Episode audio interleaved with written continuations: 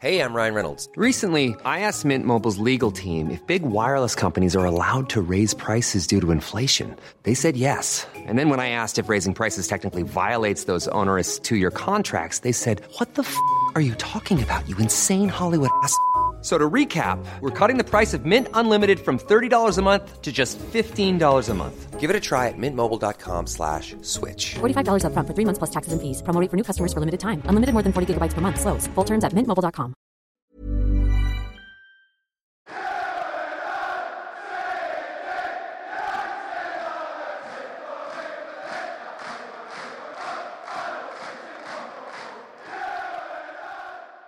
Halo pendengar GGMU, balik lagi bersama kita bertiga. Dan episode ini episode yang paling cukup membahagiakan sejauh ini gitu kan. Karena apa yang ditunggu-tunggu, apa yang dinanti-nanti bahkan dari tahun lalu setelah 12 purnama akhirnya sampai juga dan part kita ngetek ini MU barusan uh, ngebuat sebuah announcement di mana sebenarnya udah fix. Sebenarnya dari kemarin kita udah tahu uh, di mana Fabrizio Romano terus juga berbagai, berbagai macam jurnalis kredibel di luar sana udah uh, confirm gitu kan. Bahkan kalau yang terkenal tuh kemarin itu uh, si Rashford kan dia ngomong Yes X itu jadi semacam kayak signal terbaru dari Here We Go gitu kan. Kalau padahal padahal padahal Fabrizio sudah membangun karir ya. Iya, langsung. langsung Yes X better than Here We Go anjir. Oke. Eh, kurang ajar ya. Emang privilege-nya Rashford tuh berarti ya cuy. Karena kan Iya, ini sahabatnya soalnya kan. Katanya mabuk deh katanya. Mabuk lebih hack gitu. lagi ini kalau kalau kalau orang-orang di bar gitu kan biasanya kalau mabok dia nelpon mantannya gitu-gitu kan. Eh, Tapi kalau ini lagi mabok malah nge-tweet gitu.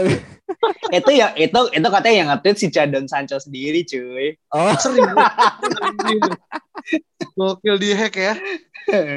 Ya, jadi teman-teman tau lah kita akan bahas siapa gitu kan the next number seven gitu kan. Akhirnya setelah penantian panjang Ronaldo cabut 2008 sekarang 2021 13 tahun eh, angka keramat kita akhirnya balik pada semoga ya ini balik kepada orang kemudian benar-benar layak untuk menggunakan nomor setuju gitu kan. Tapi gue mau bahas dulu terkait dengan nilai transfer gitu kan di mana Sancho ini eh, menghabiskan ya 78 juta pound sterling atau 90,5 juta euro gitu kan. Di mana 35 juta euro lebih murah dibandingkan style deal tahun lalu yang itu sampai bahkan dari mulai awal sampai akhir tuh negonya itu terus itu terus nggak Hmm. ada kelanjutan gitu kan dan uh, bakal katanya bakal uh, menggunakan nomor 7 dan gue mau nanya ke Alvin seberapa excited lo kemudian melihat Jadon Sancho akan main di MU musim depan gue udah excited dari musim lalu sebenarnya gitu. Cuma pada akhirnya ya excitement itu harus gue kubur dalam-dalam kan. Apalagi setelah kita datanginnya eh, Amat Diallo dan Pelistri. Dan gue juga sempet agak pesimis nih. Kayak ini udah dapat dua winger, right winger. Kita masih bakal ngejar Sancho atau enggak gitu kan. Cuma ternyata awal musim itu ada kabar bahwa Sancho ini em, bermain jelek karena gagalnya transfer ke MU gitu. Nah, poin itulah yang membuat gue yakin bahwa Sancho ini sebenarnya pingin banget pindah dan dia bakal nge-push Dortmund buat ngejual dia itu. Jadi sepertinya memang Ed Woodward ini sengaja menunggu momen yang tepat dan harga yang lebih make sense dan dia nggak mau dikadalin sama Dortmund dengan 120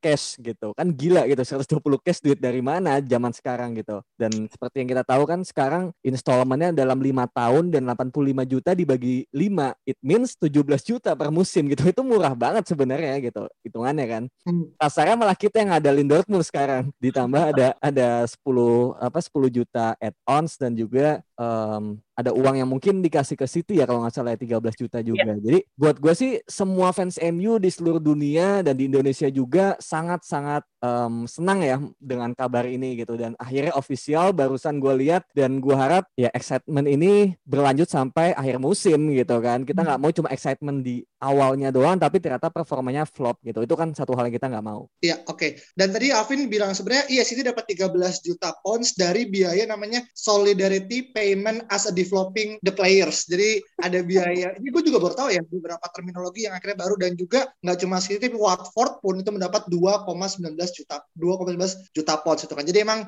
ada semacam kayak biaya turunan yang kemudian emang dibayar selama proses itu gitu kan. Tapi nggak masalah yang penting udah dan gitu kan. Nah, gue nanya Kak Saul nih, uh, medical katanya incoming days, uh, yang mana gue baca potensialnya sih after Euro gitu kan. Nah, misalkan Ung gitu kan, ya kita nggak pernah tahu ya gitu kan.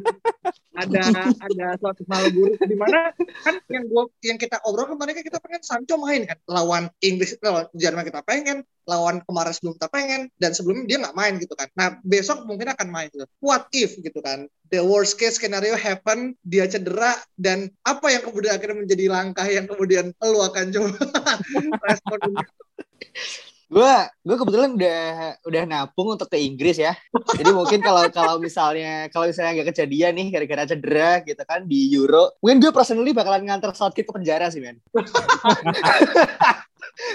Sumpah. Ini uh, setahun setahun lebih cuy. Ya kan kayak kita kita bahkan tuh kayak benar-benar meredam excitement sampai sampai hari terakhir bursa transfer musim lalu gitu loh. Sampai akhirnya sekarang benar di gaspol dan deal gitu kan. Bahkan uh, gue yakin dari dari kedua klub itu pasti menahan sampai benar-benar medical baru di announce gitu. Cuman karena semua orang hampir udah tahu akhirnya uh, udah di announce sama Dortmund dan juga MU kalau kita udah agree in principle gitu kan. Jadi kalau misalnya nih in worst case banget nggak jadi gitu ya karena apa nggak lolos medical atau semacamnya gitu gitu. Bahkan kita nggak perlu berangkat, kayaknya masyarakat Inggris sudah udah udah melakukan gerakan-gerakan yang radikal ya kayaknya. Men.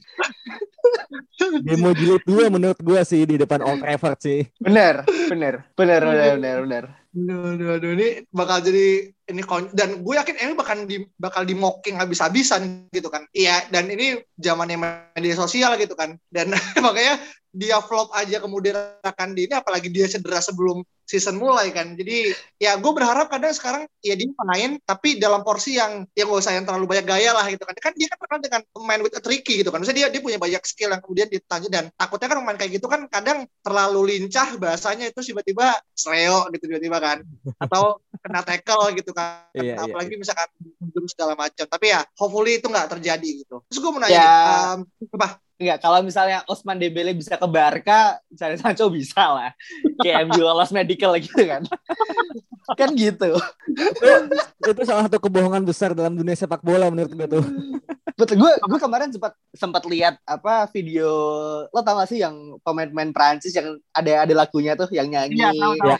Ya, Ya kan, ad- ada subtitlenya pas pas bagian Usman Dembele kayak eh, kita bahkan nggak tahu kenapa lo sampai sekarang masih bisa main di top level gitu. Iya, iya, iya, iya. iya, iya, iya. Ya scam gitu, scam. football scam. Oke oke oke. Nah uh, bicara masalah harga ini kan sebenarnya nggak murah ya. Mungkin kalau kita rupiahin aja ini bisa di angka 1,4 triliun gitu kan kalau dirupiahin gitu kan. Uh, dan ini uh, kedatangan Sancho, let's say dia pemain ketiga termahal di bawahnya Pogba 89, terus juga Maguire 80 gitu kan. Nah ekspektasi kan pasti tinggi ini Vin. Dan apalagi dia akan akan pushing untuk pakai nomor 7 secara komersial masuk, secara historikal masuk gitu. Nah lu pribadi ngelihat Sancho yang kemudian uh, mencoba mengcombine dua hal ini dengan kondisi dia masih umur 21 tahun, dapat banyak pressure, uh, apa namanya uh, apa namanya gajinya gede juga gitu kan dan juga biaya transfer besar gitu kan dibandingkan Ronaldo yang datang di angka 18 juta, well nggak apple to apple gitu kan. Nah, lu gimana ngelihat akhirnya mental Sancho untuk bisa uh, compete dengan hal ini, Vin? Sebenarnya kita udah pernah bahas ini sih di episode em, pemain baru ya kayaknya bahwa kita ini em, melihat Sancho sebagai pribadi yang sangat secara mental tuh kuat karena di bawah em, sebelum 20 tahun dia udah merantau ke Jerman menjadi satu-satunya pemain Inggris yang bermain di Jerman gitu dan juga di Borussia Dortmund itu bukanlah sebuah hal yang mudah. Dan em, gua harap dengan mental seperti itu itu bisa udah udah ketempa lah bisa dibilang. Dan juga Sancho ini mau main di MU beda halnya seperti misalnya em, Alexis Sanchez atau misalnya Angel Di Maria yang mungkin secara, secara skill set bagus banget juga gitu. Tapi ternyata dari segi mental mereka tuh nggak mau ke MU dan juga bahkan mereka nggak suka sama environmentnya MU gitu. Seperti yang kita tahu Alexis baru nyampe aja kayak udah pengen pulang gitu kan. Itu mental apa kayak gitu kan? Jadi buat gua em, at least dari diri Sancho-nya sendiri dia udah punya keinginan untuk bermain setidaknya ketika misalnya dia flop dia punya motivasi dari dirinya sendiri bahwa gue mencinta klub ini itu sih menurut gue I see, I see. tapi Dan tapi juga sorry, tapi tapi gue nggak kaget ya kalau nanti dalam beberapa momen dia bakal flop gitu Hmm. karena benar-benar tekanan nomor 7 itu kemudian 85 juta dan juga gaji 350 ribu pound atau euro yang mana itu kayak tiga besar tertinggi di MU itu benar-benar beban yang apa ya ya nggak bisa dihindarkan Hmm, iya iya. Ya, dan ini ya, gue kemarin sempat tadi sorry, tadi pagi gue dengar uh, podcastnya si Rio Ferdinand yang sama Stephen Hawson uh, bahas terkait dengan uh, Sancho gitu kan. Dan ternyata gak banyak orang tahu uh, Sancho ini udah digadang-gadang akan menjadi next superstar 13 tahun. Di umur dia umurnya itu 6 tahun uh, dan Ferdinand tuh bilang ada satu talent scout yang bilang man this guy would be an absolute banger dia bilang gitu kan. Dia bilang dia ini pemain ini akan akan jadi seseorang gitu. 13 tahun uh, yang lalu gitu kan. Di mana uh, umur dia masih 6 sampai 7 tahun gitu kan. Dan uh, akhirnya dia uh, memutuskan untuk kemudian uh, ke Watford dan ke City. Dan di City yang akhirnya lucu adalah dia tuh dibanding-bandingkan sama Phil Foden gitu kan. Bahkan ada yang bilang di situ di salah satu internal City dia bilang which one yang better? gitu kan. Sancho or Foden gitu kan. Karena dua ini tuh dianggap sebagai gem apa ya hidden gemnya City saat itu. Dan kalau misalkan dua-dua ini akan tembus itu dibilang City akan kemudian punya talenta yang paling berlian lah di muka bumi gitu kan. Hmm. Tapi in the age of 17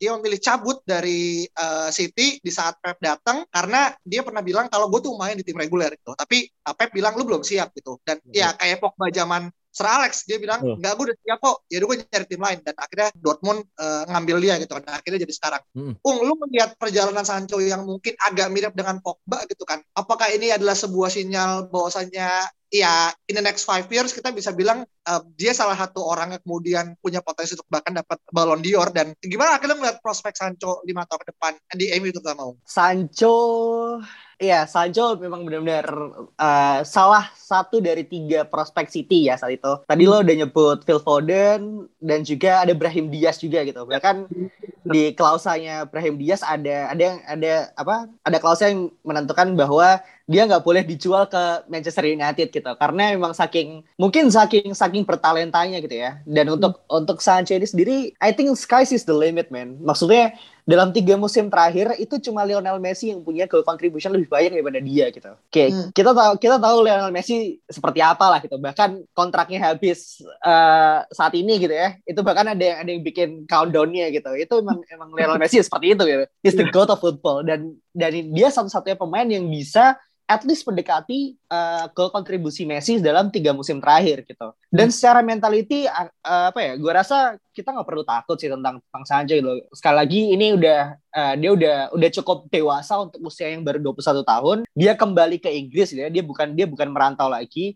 Nah, masalahnya adalah uh, mungkin apakah dia eh, apakah tim ini uh, Ole ini sanggup melindungi dia gitu ya dari uh, media yang akan menyerang dia gitu. Gue pasti gue yakin media pasti akan menyerang dia sih gitu loh dengan beban ekspektasi di mana uh, apa transfer yang cukup panjang gitu ya, cukup alot dan juga nilai 72 juta pounds ini gitu. Itu sih. I see. Bahkan tuh kemarin gue sempet ini ya, gue gue nih bayangan gue ya. Kalaupun nanti dia akan gagal, gue yakin kayak The Sun ataupun kayak let's say apa pun akan ngomong ini, Sun flops. Sancho flop gitu Jadi kan kadang mereka ini kan di di apa di Iya iya iya. iya. Dan Sun flop. Uh, ada ada satu satu hal yang yang ini sih yang yang menurut gue kita melakukan hal yang benar gitu ya. Ketika hmm. kita melakukan sesuatu ya, misal kita ini udah udah udah udah fix nih Jadon Sancho gitu ya. Dalam satu hmm. hari men, ketika berita Jadon Sancho keluar, dia yang sebelumnya dianggap sebagai pemain world class gitu ya, tiba-tiba menjadi hmm. overrated men. gitu loh. Dan ketika ketika rival okay. fans ini fans fans rival ini udah udah mulai kayak rattled gitu ya kayak Nah. Wah, Foden is better than Sancho gitu ya. Bukayo Saka is better than Sancho. It's mean we're doing the right thing, cuy. Oke.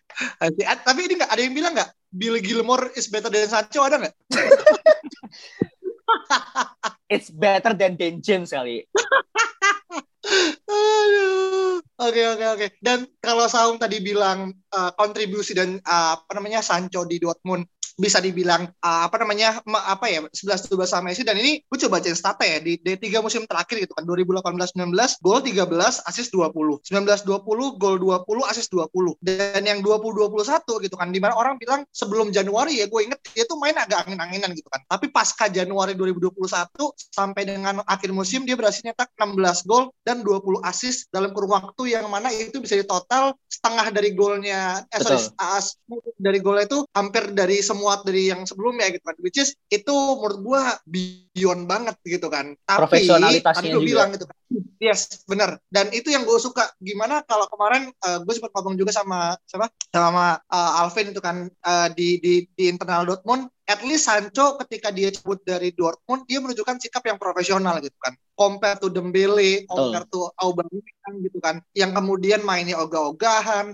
melakukan hal yang kemudian tidak profesional secara etik, gue yakin semua fans Dortmund pun nggak nggak semua, at least mayor lebih menganggap kepergian Sancho lebih pada dia kembali ke rumah gitu, bukan untuk macam kayak oh ini orang mata duitan atau mercenaries gitu kan yang sering banget gitu kan kayak Sanchez ke dari Arsenal ke MU dianggap mercenaries gitu kan, terlepas emang uangnya juga besar gitu yang dia dapat, tapi gue ngeliat fans Dortmund ngeliat ya udah memang dia emang belongs to Inggris gitu kan. Dan his comeback gitu kan to Manchester. Nah, lu ngeliat Vin uh, dari sudut pandang apa ya, dia punya uh, potensi dan juga tadi uh, gue sempat nonton video klipnya coach Justin dia bilang dia bilang gini gue aneh ya sama Sancho gitu kan kayak gak banyak tim besar yang kemudian chasing after him gitu kan tapi kok mau MU bayar uh, 90,5 juta euro gitu. Lu menilai tanggapan-tanggapan kayak gini dan dari tim lain itu ngelihat Sancho dengan segala macam ini gimana Vin yang kemudian lu ingin sampaikan Vin? Itu karena mungkin mereka nggak punya duit gitu aja. Iya betul, betul, betul, betul, betul. Itu itu mudah-mudah sekali di breakdown itu.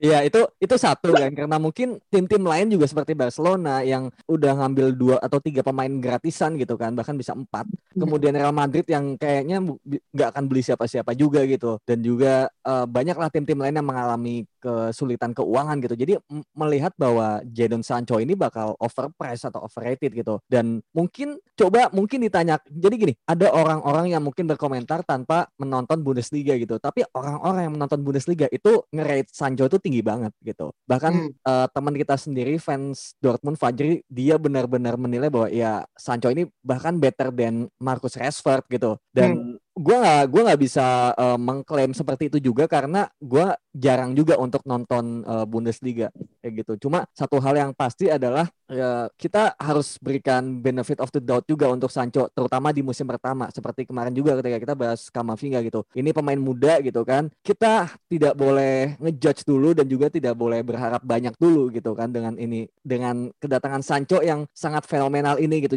Kadang-kadang hal-hal semacam itu yang membuat pressure gitu. Jadi buat gue apa ya? Ya kita harus sabar aja gitu. Hmm. Iya, ya, dan ya. kalau gue boleh nambahin, alasan kenapa tim-tim besar tidak mengejar Sancho adalah uh, price tag-nya yang kita tahu udah tinggi gitu ya, dan nggak semua klub punya duit. Barca, Madrid, Juve itu kondisi kayak uh, ekonominya sedang sulit gitu ya. Liverpool juga sulit dan um, mungkin dia tidak akan tim itu nggak akan beli pemain atau kalau apa pemain mereka juga nggak nggak nggak dijual gitu. City kayaknya Sancho nggak mau balik ke City gitu ya. Entah for for some reason orang-orang City pasti tahu dia nggak akan balik lagi ke Manchester City gitu. Chelsea mungkin uh, sempat sempat ada ada ada berita kan di mana saya apa Chelsea gencar deketin Sancho gitu ketika musim lalu gagal kita dapetin gitu. Cuman karena uh, performa sayap mereka dan Tuchel ini mungkin lebih performain di 352 jadinya kita front runner di Jadon Sancho gitu loh. Hmm, okay. Seperti itu sih. Iya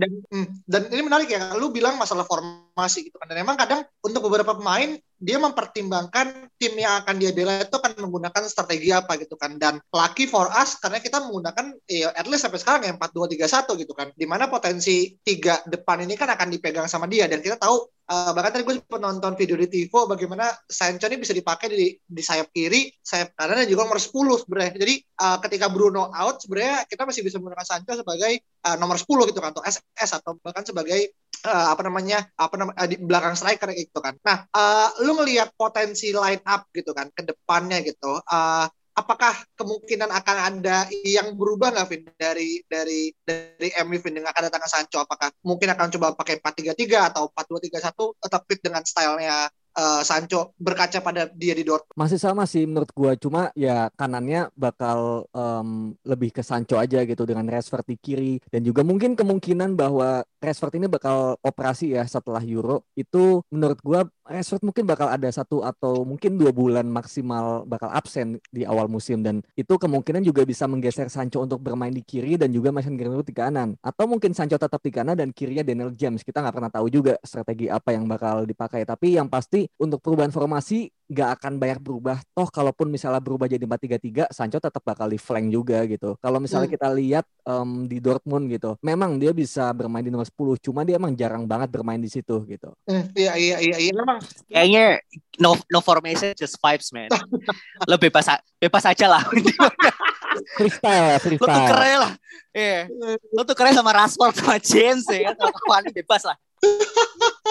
dan dan ini ya dan dan gue tadi barusan nonton juga kayak eh, bagaimana kemudian benar kata Fajri Bundesliga eh, saya ya nggak cuman eh, fans Dortmund tapi Bundesliga pun bahkan ngebuat tribut buat Sancho dengan ngebuatin video apa namanya eh, perjalanan dia dari mulai awal karir di Dortmund sampai dengan sekarang gitu. Bagaimana ya Sancho pun sebenarnya bisa dikatakan sebagai one of the Hall of Fame gitu kan. Terlepas dia masih muda datang dari Inggris ke Jerman yang mungkin secara budaya bertabrakan kita tahu rivalitas antara Jerman dan juga Inggris gitu kan. But he survive gitu kan. Not just survive he own the medals gitu. Dia dia punya medal di sana dia punya pernah pernah menang juara apa dia vokal dan juga berbagai macam hal dia dapat secara individual gitu. Dan gue rasa ya kita sekarang udah fokus pada what what's next gitu kan. Kayak gue udah nggak sabar pertama nunggu dia announcement secara real gitu kan. Apakah dia bakal dancing cookie kayak kayak kayak Pogba gitu kan.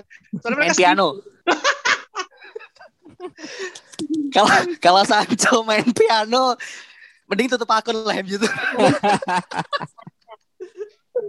Feeling gue lebih mirip kayak. Pogba sih yang ngedance ngedance kayak gitu. Ya, ya. Iya karena tipikal tipikal flamboyan gitu kan saya yang Yoi. orang-orang yang dia ekspresif gitu kan. Iya. Dan, dan ya, ya mereka inilah apa namanya se, se, sefrekuensi lah gitu dan semoga ya gua gua masih berharap karena belum ada kelanjutan ya Pogba kemudian pun akan akan dapat signal yang kuat juga untuk kemudian bertahan gitu kan dengan dia tahu pemainnya oh MU benar-benar serius loh ngebuild sebuah tim itu kan ketimbang gua pindah ke Madrid atau Juve yang kemudian bahkan Madrid eh, Juve pun yang kemudian eh, interest sama Locatelli pun sekarang masih head to head sama Arsenal gitu kan yang tiba-tiba kemudian Iya. ngebit Locatelli terus kayak Juve kaget lah anjing kalau ada Arsenal dia masuk gitu kan ya bisa aja kalah gitu kan jadi sih menurut gua there's no reason sih hingga mungkin nanti kalau masalah Pogba ya gimana akhirnya masalah terkait dengan gaji gitu kan. Tapi can wait untuk kemudian ngelihat mereka berdua bertiga dan sama mungkin kemungkinan kalau misalnya Lingard masih bertahan berempat gitu kan ngebuat apa namanya TikTok di TikToknya MU jauh lebih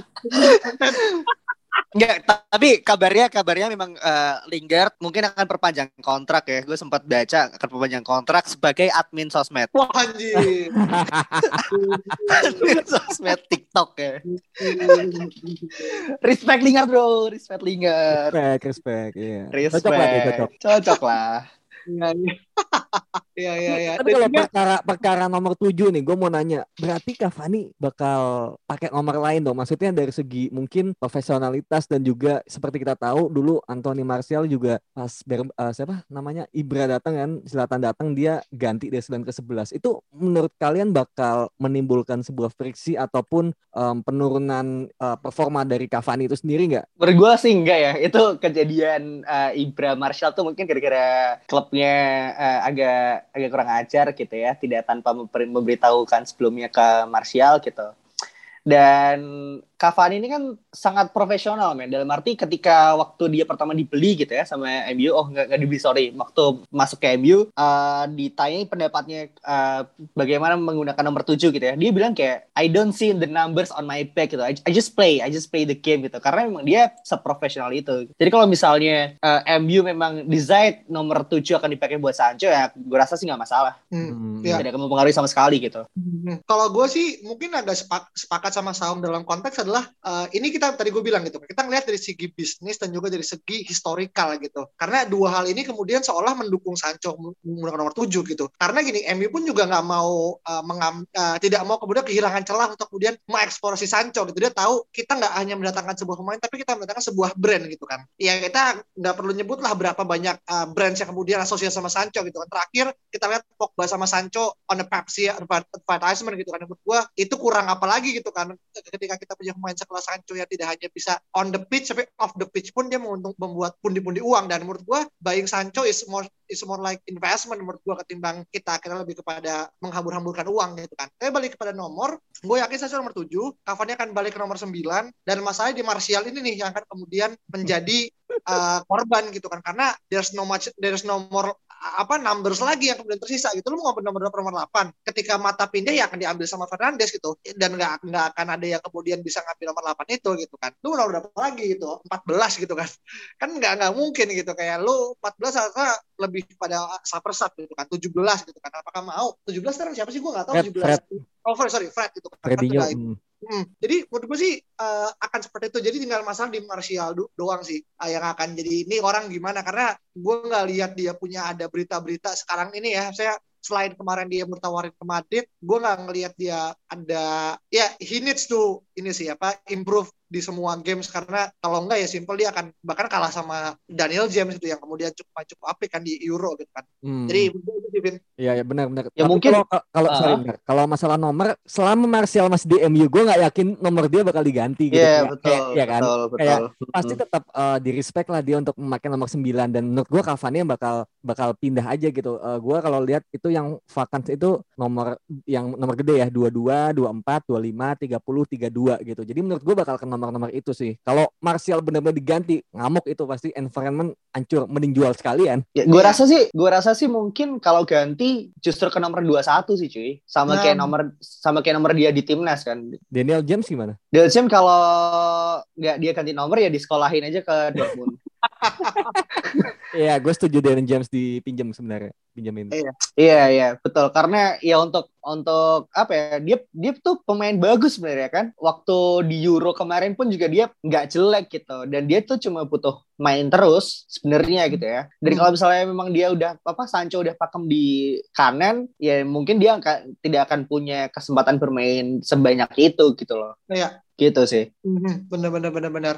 Iya, jadi menurut gue sih memang kadang ini dilematik ya buat dan ini masalah struktural MU. Ya kita nggak kita sebagai external fans nggak perlu tahu gitu kan, tapi ya kita pasti kepo kan ini gimana ya kita. Menurut gue sih memang kadang dilematisnya ada di Martial gitu karena dia memegang nomor yang sangat cukup sakral itu nomor 9 kita tahu dari mulai uh, zamannya siapa? Saha, Saha.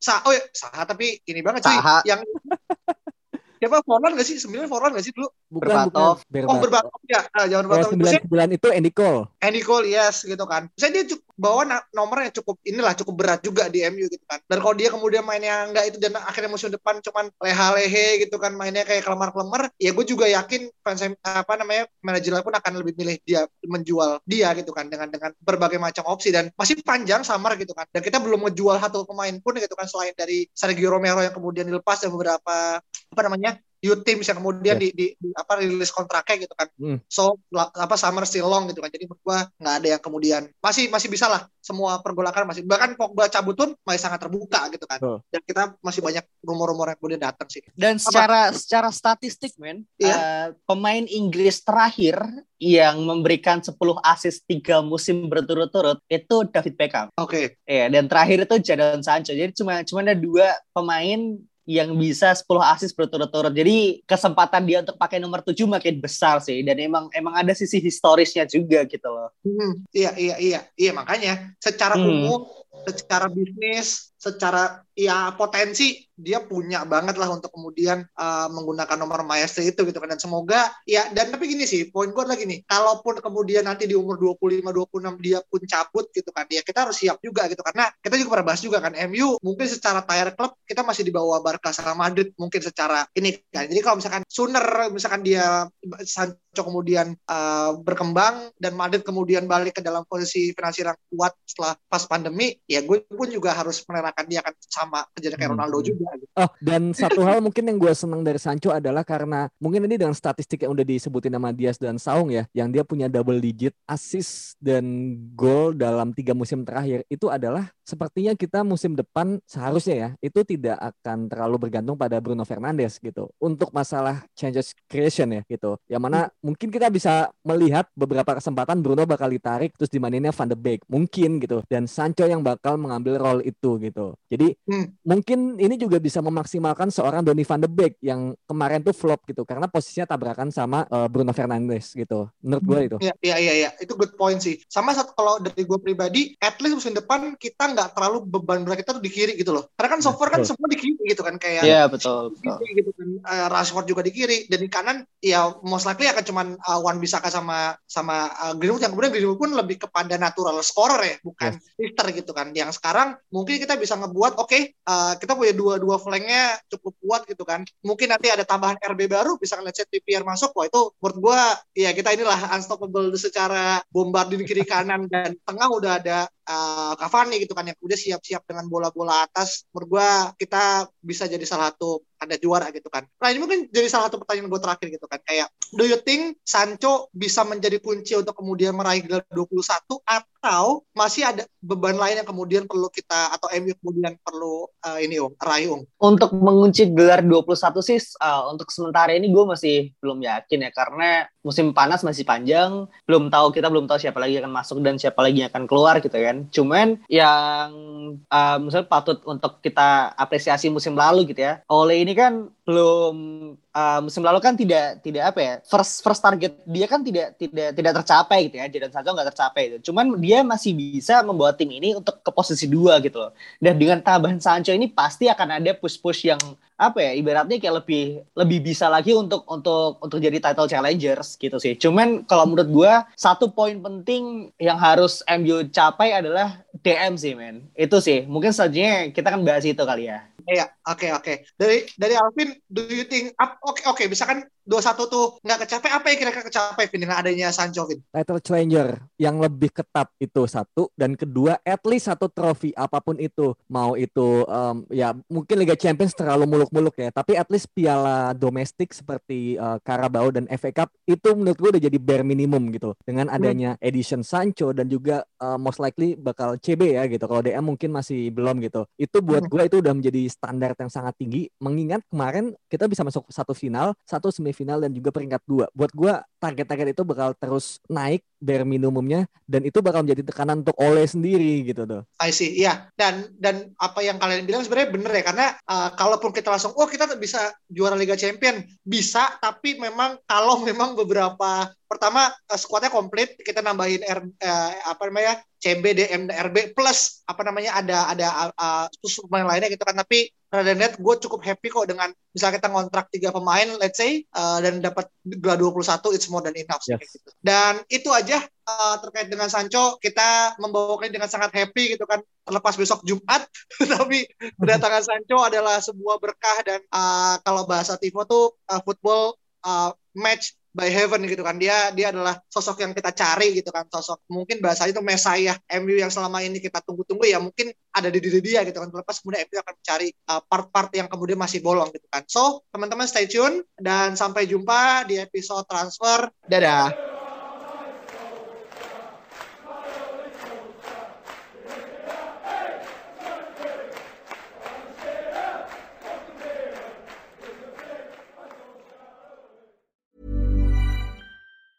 Planning for your next trip?